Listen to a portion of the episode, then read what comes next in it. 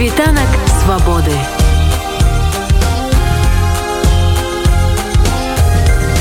Спіць вольнасці.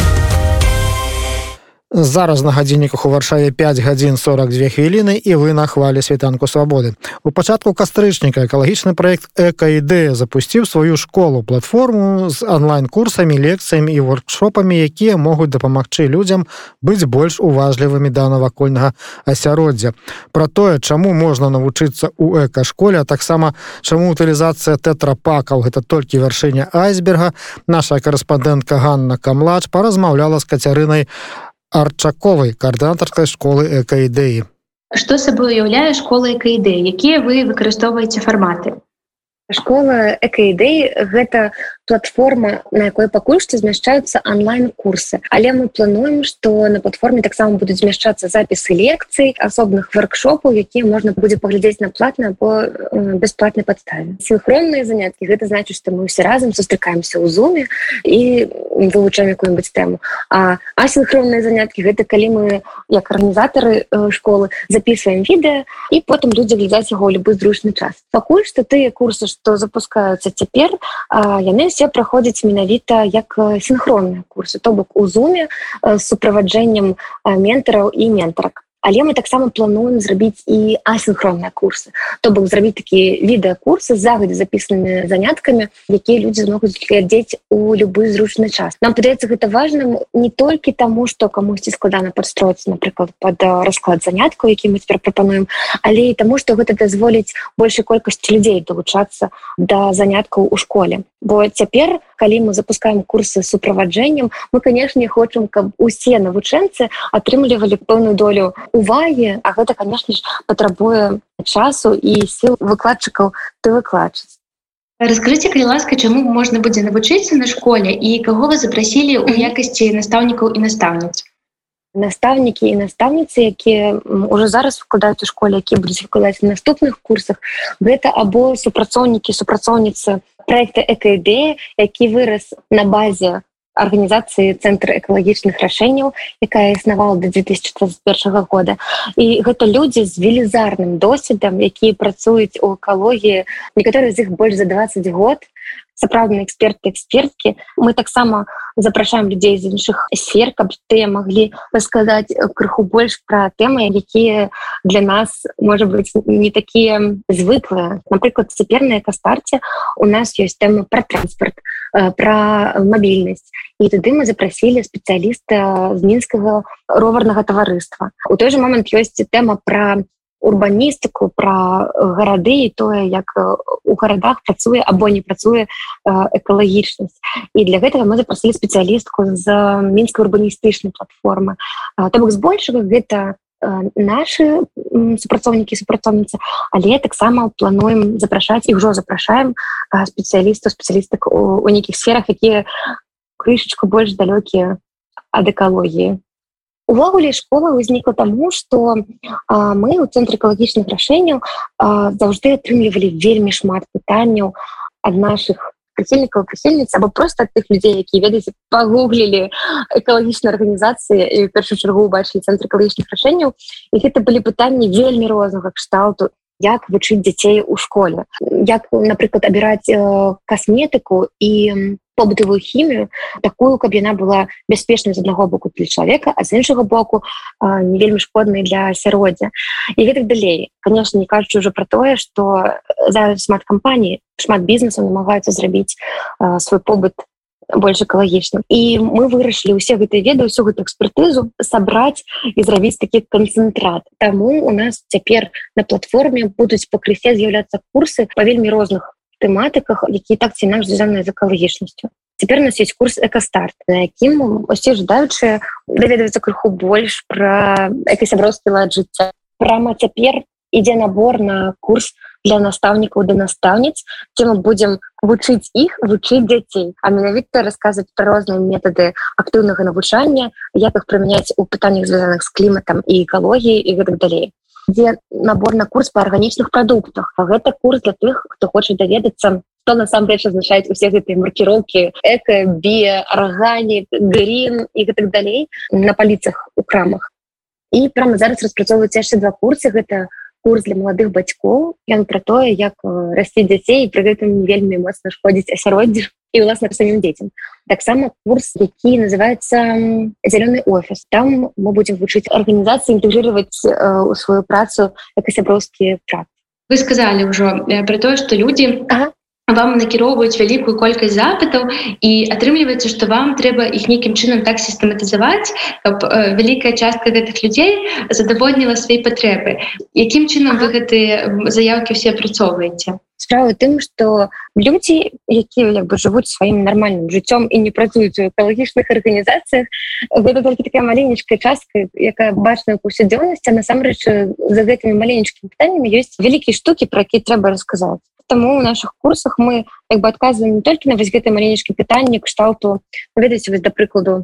куды выкінуць трапак і мы можем адказаць на гэта пытанне что у зялёных кантэйнерах такія ведаеце з бярозкай у некаторых гэтых кантэйнераў ёсць спецыяльныя кішэнькі куды можна выкінуць трапак але гэта насамрэч толькі вяршыня айсберга. Мы хочам людям расказаць что па шчырасці даражэнькі лепш за ўсё ты трапакі не набываць іх вельмі складана перапрацоўваць і в беларусі няма прадпрыемства якое займалася перапрацоўку тэтрапакаў і таму тэтрапакі просто збіраюцца збіраюцца збіраюцца а потым дасылаюцца на перапрацоўку ў Росію і гэта даволі энергаёмістыя і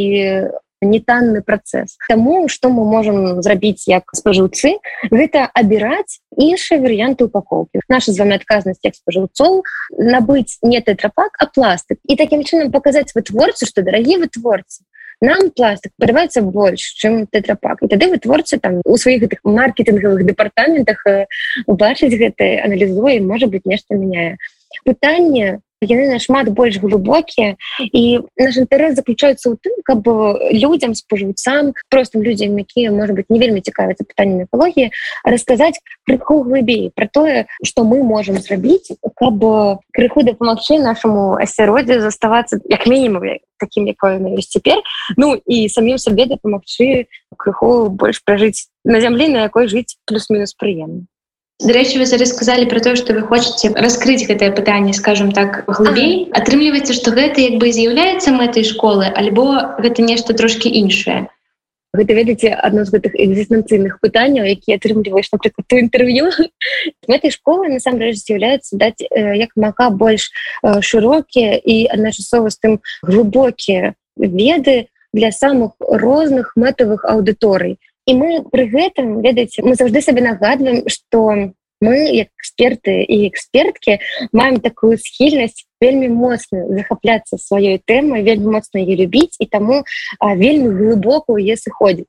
і тут нам на дапамогу прыходзіць у прыватнасці педагагічныя дызайнеркі якія спыняюць і кажуць пачакайце давайте мы будемм вырашаць запыт ваших студэнтаў і студэнтак а не паглубляцца ў тэму настолькі каб гэта станавілася занадта прафесійным і суадносна нецікавым. Я вас яшчэ хочу вярнуцца да пытання людзей якія запісаліся на школу. Ці вы ёсць у вас такія нейкія ну скажем сацыялагічныя дадзены што гэта за людзі якога яны там прыкладна ўзросту збольшага гэта там мужчыны альбо жанчыны вось такога кшталту інфармацыя у межах школы у нас адчыняются розныя курсы. І я думаю что на розныя курсы у нас будуць вельмі розныя аўдыторыі на один толькі экастарт мы атрымалі 180 з чымсьці заявак збольшага гэта жанчыны по розных там даследаваннях людзей якія любяць лічыць есть такое меркаванне что мужчыны больш уплываюць на экалагічную абстаноўку на зямлі тому что яны больш занятыя у таких сферах якія найбольш шкодныя скажем так. При гэтым что э, большая частка людзей якія працуюць у экалагічных арганізацыях або як-небудзь гэтай праблемы вырашаюць гэта жанчыны я спадзяюся что усе слухачы зараз дастаткова адасобіліся ад просто мужчын і просто жанчын і зразумелі что гэта такая статыстыка якая не мае дачынення да асобных асоб даруць ласка статалогію А што тычыцца ўзросту ён вельмі розны мы заўжды думалі што старт гэта курс для моладзі але насамрэч да нас прыходзіць і такія дарослыя вельмі дарослыя жанчыны і мужчына ёсць адзін падаецца таксама ведаеце шчыра скажу. Экастарт гэта курс які заўжды адбываўся офлайн і у моих калег ды каляжанак ёсць вельмі такое трапяткае пачуццё адносна экастарта гэта вельмі важная частка нашай арганізацыі. І мы крыху перажывалі што цяпер яго даводзіцца пераносіць у онлайн ці зможам мы захаваць той настрой той атмасферу якую мы звычайна стваралі на гэтым курсе? Цяпер на нашым курсе есть людзі з іншых гарадоў беларусі таксама я дакладна ведаю што былі заявкі з Украіны і Росіі і конечно вось пашырэнне геаграфіі тое што рада таксама на зараз ідзе набор на курс для настаўнікаў. Э, там каля 60 заявок на курс по арганічных прадуктах каля 70 даволі шмат людзей і конечно мы не можем не радавацца і ў працоўных чатах зараз обсуждаем что хух сапраўды мы не памыліліся людям цікава А хто менавіта гэтыя людзі зможам сказаць крыху пазней калі прынамсі адбудзецца адбор на першыя некалькі курсаў конечно пандемія усіх нас э, навучыла онлайну. Вось і цяпер гэтым уже нікога не здзівіш але для нашай арганізацыі гэта новая штуковіна і конечно вы рады что цяпер ва ўсіх абставінах у тым ліку і ў палітычных мы можем арыентавацца не толькі на беларусі з якой працавалі заўжды але ўвогуле на рускамоўную прастору мне падаецца гэта важно цікава даведацца якія у вас планы на будучыню якім вы бачыце развіццё школы якія у вас магчыма мары чаканні? Як заўжды ведаце пытанне про творчыя планы самае няпростае бо з аднаго боку хочаце подзяліцца сваімі марамі а з іншага боку боюся сказаць что-нибудь э, такое что потым не спраўдзіцца. Па-першае мы хацелі б супрацоўнічаць з калегамі ды каляжанкамі з іншых арганізацый і краін і спадзяемся что гэта атрымаецца по-другое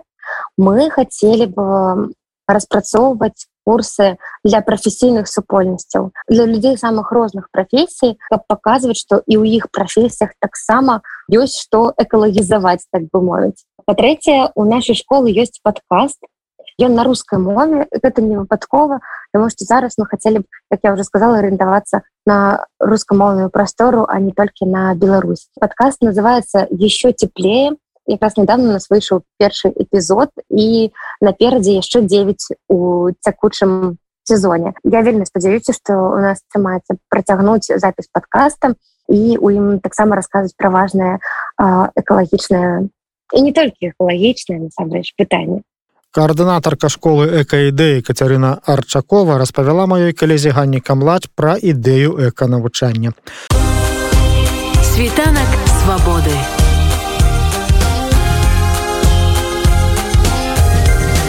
Світ вольнасці.